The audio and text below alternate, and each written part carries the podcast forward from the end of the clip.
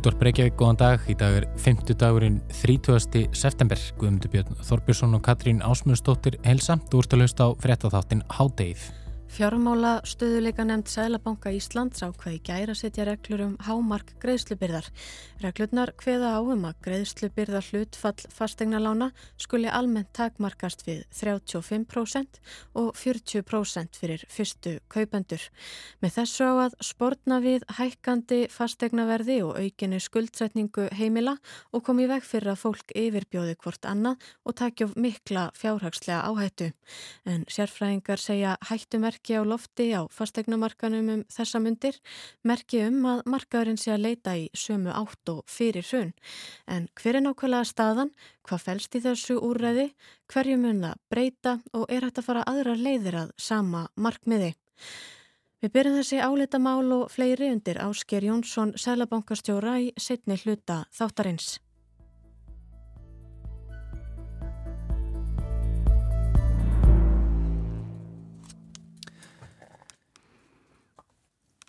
Nýverið gerðu samtök leikjaframleganda hér á landi RAF, Íþróttasamtök Íslands og Game Makers Iceland með sér sáttmála eða samkómulag sem já, felur í sér hvað Kristjana Björk Bardal, tölvunafræðingur og tækni gúru hátdeisins?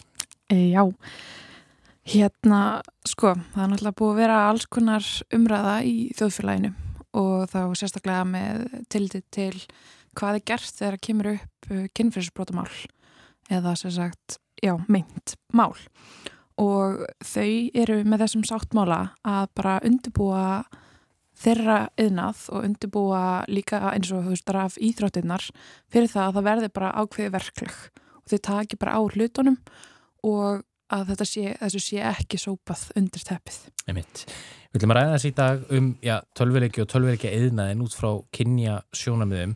Þetta kemur upp þessi sáttmálurinn gerður já, fljóðlega eftir að, að þetta KSI-mál kemur upp og mm -hmm. má kannski segja að rafíþróttasamtökin hafi svona verið svona fyrstu íþróttasamtökin hér á landi sem, sem já, gáði út einhverja skýra yfirlýsingu strax um hvernig það taka á svona málum. Já, það geti alveg verið þessu eina af þessum fyrstu en allavega töluðu hátt um þetta og letu vita af þessu. Því þau vilja taka á málum og gáfu líka út uh, verkferil og segja frá því hvernig á að taka á svona málum. Þá bæði þegar kemur að fólki sem starfar við að framleiða tölvuleiki innan bara senunar og sumulegis fólk sem að spilast tölvuleiki og fólk sem tekur þátt í raf íþráttamótum það er náttúrulega rosalega stór eðnaður Þannig að nú vita allir hvernig verður tekið á málunum. Það er algjört gegn segi bara frá A til Ö ef svona mál kemur upp hver, hver ferillin verður? Það ætti að vera og allavega greiðilega mikil undirbúningsvinna hafinn og ákveðnar bara svona leikreglur settar ef eitthvað mál kemur upp. En hver er hvaðin að þessum sáttmála hafa komið upp ábyldismál innan tölvuleikja samfélagsins? Sko, það er náttúrulega, maður hefur aðalega verið að sé, sjá náttúrulega það sem er að gerast hjá KSI og þeim en það eh, var eh, lögsókn úti gegn fyrirtæki sem heitir Activision Blizzard. Um, það var aðalega hvert menningu innan uh, fyrirtæki sem að framlega tölvuleiki og maður hefur líka heyrt af því oft uh, þau sem spila tölvuleikir og ef það eru konur að verða, að það er verða fyrir öðruvísi um, bara svona upplifun frá fólki sem eru að spila með, kannski ekki eins og vel tekið og svo framvis. En það hafa komið upp mál innan rafið þetta sambandsinn sem ég veit af og það er okkur að var um, maður ekki hvernig það er á íslensku en no zero, uh, zero tolerance þar sem það er bara engin uh, afsláttu gefin engin afsláttu gefin og kom upp mál og þar var viðjandi uh, sem sagt uh, myndum afbróta manni, bara mhm. vikið úr starfi rafíþjórsta sambandsins og fær ekki að spila á vettfangi þeirra aftur. Það talar um, þú veist, áriði sem konu verður fyrir eh, neikværa aðtöðsendir, annars slíkt eh, það kannski, þetta er mjög kallægur heimur, ekki satt? Og, og bæði kannski hvað varðar þar konur sem eru að, að konur eru í minni hluta spílenda en, en svo eru tölvuleikinni líka einhvern veginn, mentala svolítið kallægir Já, bara til dæmis af minni upplifin, ég spila ekki mikið af tölvuleikum en ég er hérna bara komið til að tala um svona tekni tengdalhuti og hef alveg fundið fyrir eins og til dæmis þar vinkonur mína sem voru með mér í tölvunumfræðinni þú veist þær spila töluleiki en það eru færi konur í tölvunumfræði til dæmis. Og líka bara ef við hugsim bara í okkar uppeldi uh, hverju spilu tölvuleiki og hverju spilu ekki tölvuleiki, hvað fengur við í jólagjöf og hvað fengur vinnur okkar af öðrum kynjum í jólagjöf, þú veist, allt þetta. Og eins og er að þá eru tölvuleikir meira kannski miðaðir að karlmönnum en einhverjir töluleiki framlegendur er að hugsa um og náttúrulega tölvuleikinir er kannski líka, það er fullt af personum sem ættir að spila sem eru bara ekki með kyn eða eru bara af mörgum kynjum eða eru bara á rófinu mm. þannig að þetta líka kannski er staður til þess að koma og vera einhver annars En, en hvernig, er, hvernig er staðan hérna heima? Eru, eru konur virkið þáttakendur í, í raf íþróttum og, og uh, eru er, er þeir með eitthvað skonar utanumhald?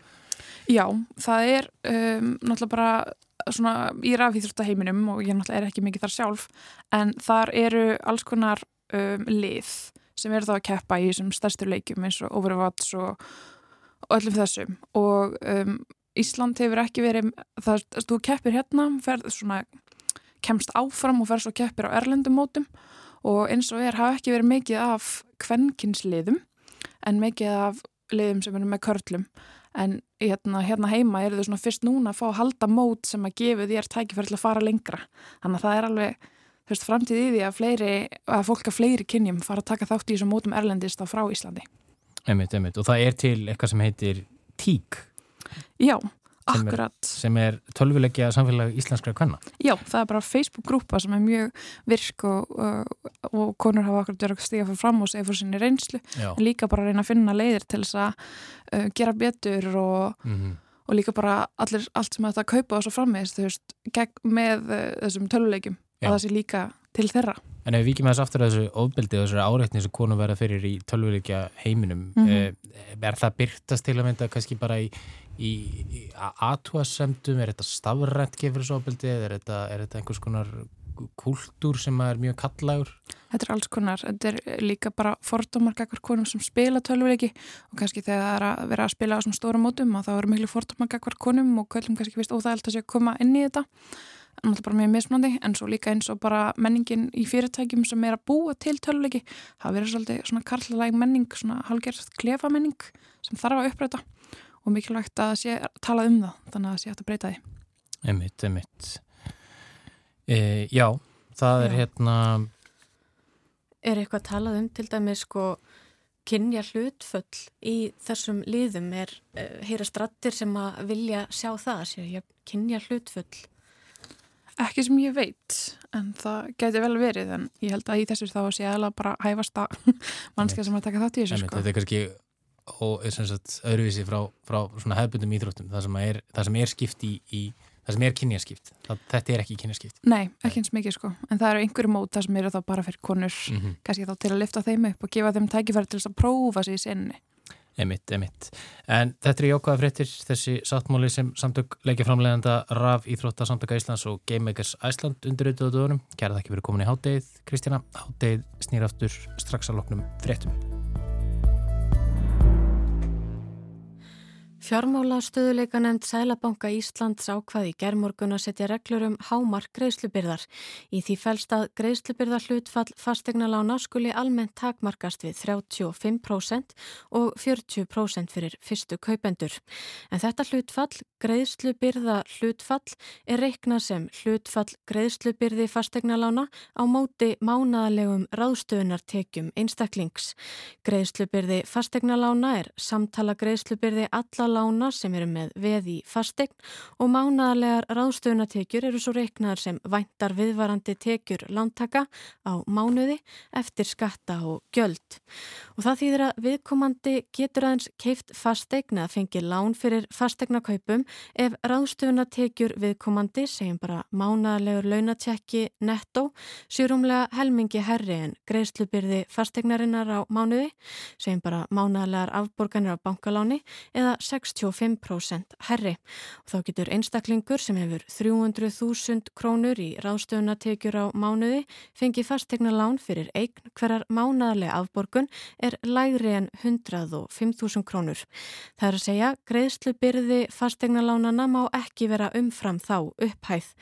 Eftir ætti þá að standa 195.000 krónur af ráðstöfunatekjunum. Og ástæðan fyrir þessum nýju reglum fjármálastöðuleika nefndarinnar er hækkandi fastegnaverð og aukin skuldsetning heimila. En með þessu á að koma í veg fyrir að fólk yfirbjóði hvort annað við fastegnakaup og taki of mikla fjárhagslega áhættu. En sérfræðingar telja hættumerki vera á lofti á fastegnamarkanum um þessar myndir. Við báðum Áskir Jónsson, Sælabankastjóra, að segja okkur nánar frá nýja úrræðinu og hverju það á að áorka. En við byrjum á byrjuninni. Það talaðum að séu hættumerki á lofti. Það talaðum að eh, fastinumarkaðun sé að leiti sömu átt og fyrir hrun. En hvað þýðir það? Hvað vitum við? Um, hver er nákvæmlega staðan? Eru við komin á slæman stað eða eru við að bregðast við snemma í rauninni? Það má eiginlega segja að við sem að bregðast við snemma um, fastna markaðan tók við sér um, á síðast ári bara í kjölfar uh, læri vaksta og, og margir annan sem var að gerast og hérna 40% af þeim sem keftu sér uh, fastegna síðast ári þeir voru fyrstu kaupundur þannig að við höfum bara aldrei séð að marga fara í sitt fyrsta húsnaði og þá í kjálfar þess að þá lekkaði þannig húsilega Þannig að við, við sáum þarna húsalegu lekka þetta var gríðarlega fæsla fólki frá, frá legumarkaði yfir á egnamarkað. Það var bæði mikið ungu fólki og líka um, elendi ríksborgar sem er að vinna hérna, getur maður að vinna hérna einhver ár, vera á legumarkaði og er, er bara að kaupa sér. Og það er mjög jákvægt og það brendur alltaf þess að þessi fastnan kaupa hafi ekkert verið sérstaklega skuldsett og þetta gengur hún allt vel á árun 2020 síðan þegar þeirra fer að líða á þetta ár, komum svona fram í februar mars og þá er komið verilú skortur og eignum og frambúðið síðan bara heldur áfram minga. En áfram náttúrulega vil fólk kaupa og það sem náttúrulega hefur verið að byggjast upp núna undir þetta mánið og við allir vita af að, að það er auknum aðli um, fáir egnir á markaði. Það tekur stýttir tíma að selja eitthvað egna þegar hún bara ríkur út og það er verið að fólk er að bjóða yfir ásett verði. Þannig að við teljum það að ef við sportum ekki við á þessum tímapunkti þá getur þetta farið út í ógöngur á þessum vetri. Það er bara þannig að það er bara svo mikið af ungu fólk, þessi kynnslóðu sem er komin á húsnæðismarkaði er bara svo stórar ungt fólk sem, sem vil eðlilega fá þakkur höfuð og saman tíma er eiginlega yngar egnir sveitafölinn hafa ekki verið hérna á höfbruksöðinu hafa ekki verið að brjóta nýtt land undir, undir byggingar. Og það er bara skortur á egnum og, og það getur leitt til þess að við getum fengið eitthvað tólkt hann að ruggla á stað eins og það að fólk sé að bjóða mot ykkur öðru og, og taka alltaf miklu fjárhastlega áhættu. Og það er svona, heldur leiðilegt rungt fólk að koma inn í markaðin við þessar aðstæður. En í þessum reglum þá veitum við fyrstu, þá uh, hafa fyrstu kaupandu meira sjórum og bankarnir líka hafa ákveðið sjórum. Það er að segja að þeir, þeir mega 5% af hverjum, hverjum lánum sem þið veita mega vera vikið frá þessum reglum ef þeir telja það. Það sé ástæði fyrir því að hverju, setja veita lánum, en kannski vegna þess að það tekjur eftir að hækka, þessi námsmenn, námsfólk koma og svo framvegs. Þannig við reynum að byggja inn sveginleika en við erum alveg bara komið fyrir það að þetta þróst áfram og verði að ykkur ruggli svo ég segi eins og söttir Og einmitt, hvaða hagsmunum á þetta að þjóna og hverja, hverja er verið að reyna að venda og hverju er verið að reyna að ná fram? Góð, það er reyni á að þjóna þannig hagsmunum okkur allir landinu þetta er fjármála stöðuliki sem við höfum ágjur af og við höfum ágjur því að mögulega og þetta er náttúrulega sett varanlega, aðra þjóru eru með þetta líka. Bara að tryggja það fyrstali að uh, fólk sé ekki taka ámugla fjárhastlega áttu þegar það er kaupegnir uh, og öðrulegi bara tryggja það að, að, að lánveitendur fara ekki í, einhverja sangjetnin sína milli hver getur lána meira á, á, á einhvern veginn þarna, með minning kröfum. Og það var það sem gerist á árunum fyrir hrunn og það var svona einhver samkeppni á, á milli alls konar aðalega lána.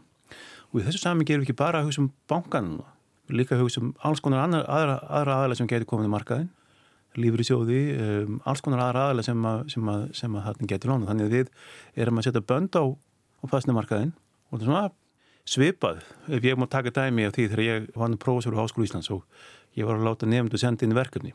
Og ég setti hámarka á það hversu marga blaðsýður verkefni mætti vera. Og þegar það verið skríti, ég segði ef ég ger þetta ekki, segi ég, þá, þá hefst svona viðbúna kaplöpa millir ykkar að þið fara að skrifa 10-20 síður að að þið viljið fá háa engun og þið byrja eitthvað saman og, og það endar í eitthvað sem er ekki endilega heppilegt sko. Og sama við með þetta. En sko er ekki hægt við að þetta í rauninni bytni á eða hafi mest áhrif á þá sem að minnst uh, meiga við því? Eins og til dæmis þú talar um sko fjáraslega áhættu.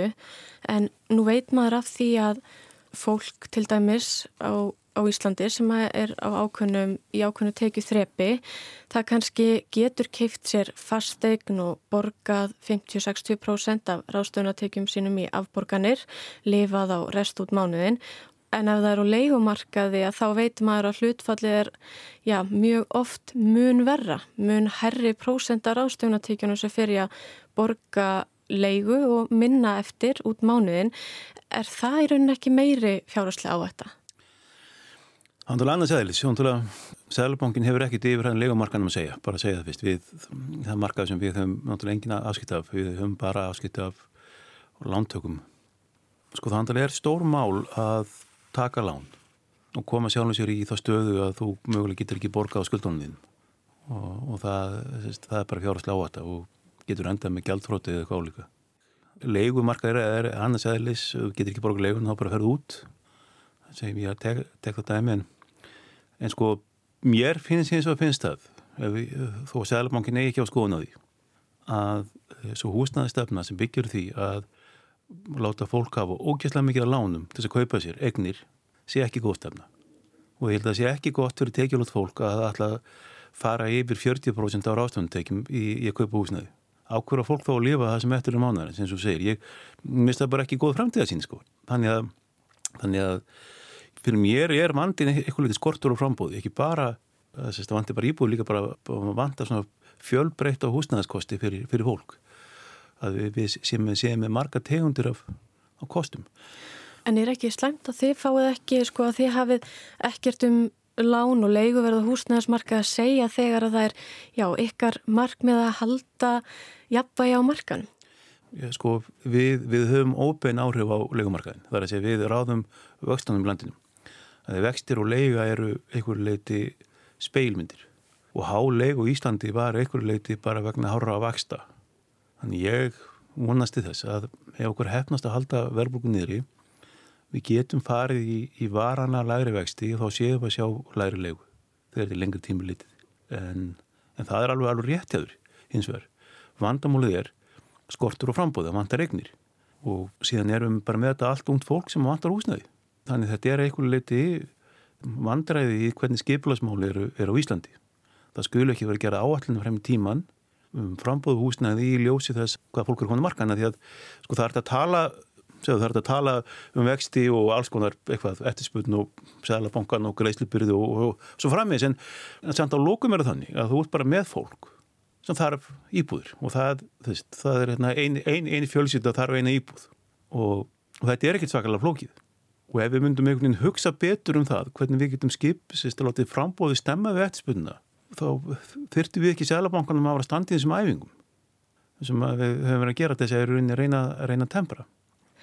En sko, ef maður pælir áfram í þessu, þú veist, um þessi fjölskylda sem þarf hús, maður getur kannski skili hvernig af kannski tveimur slæmum kostum er betra að kaupa íbúð í staðin fyrir að borga herra leiguverð hvert sem ráðstöfuna hlutfallið er bara ef það er lagraður og kaupir íbúðina í raunni.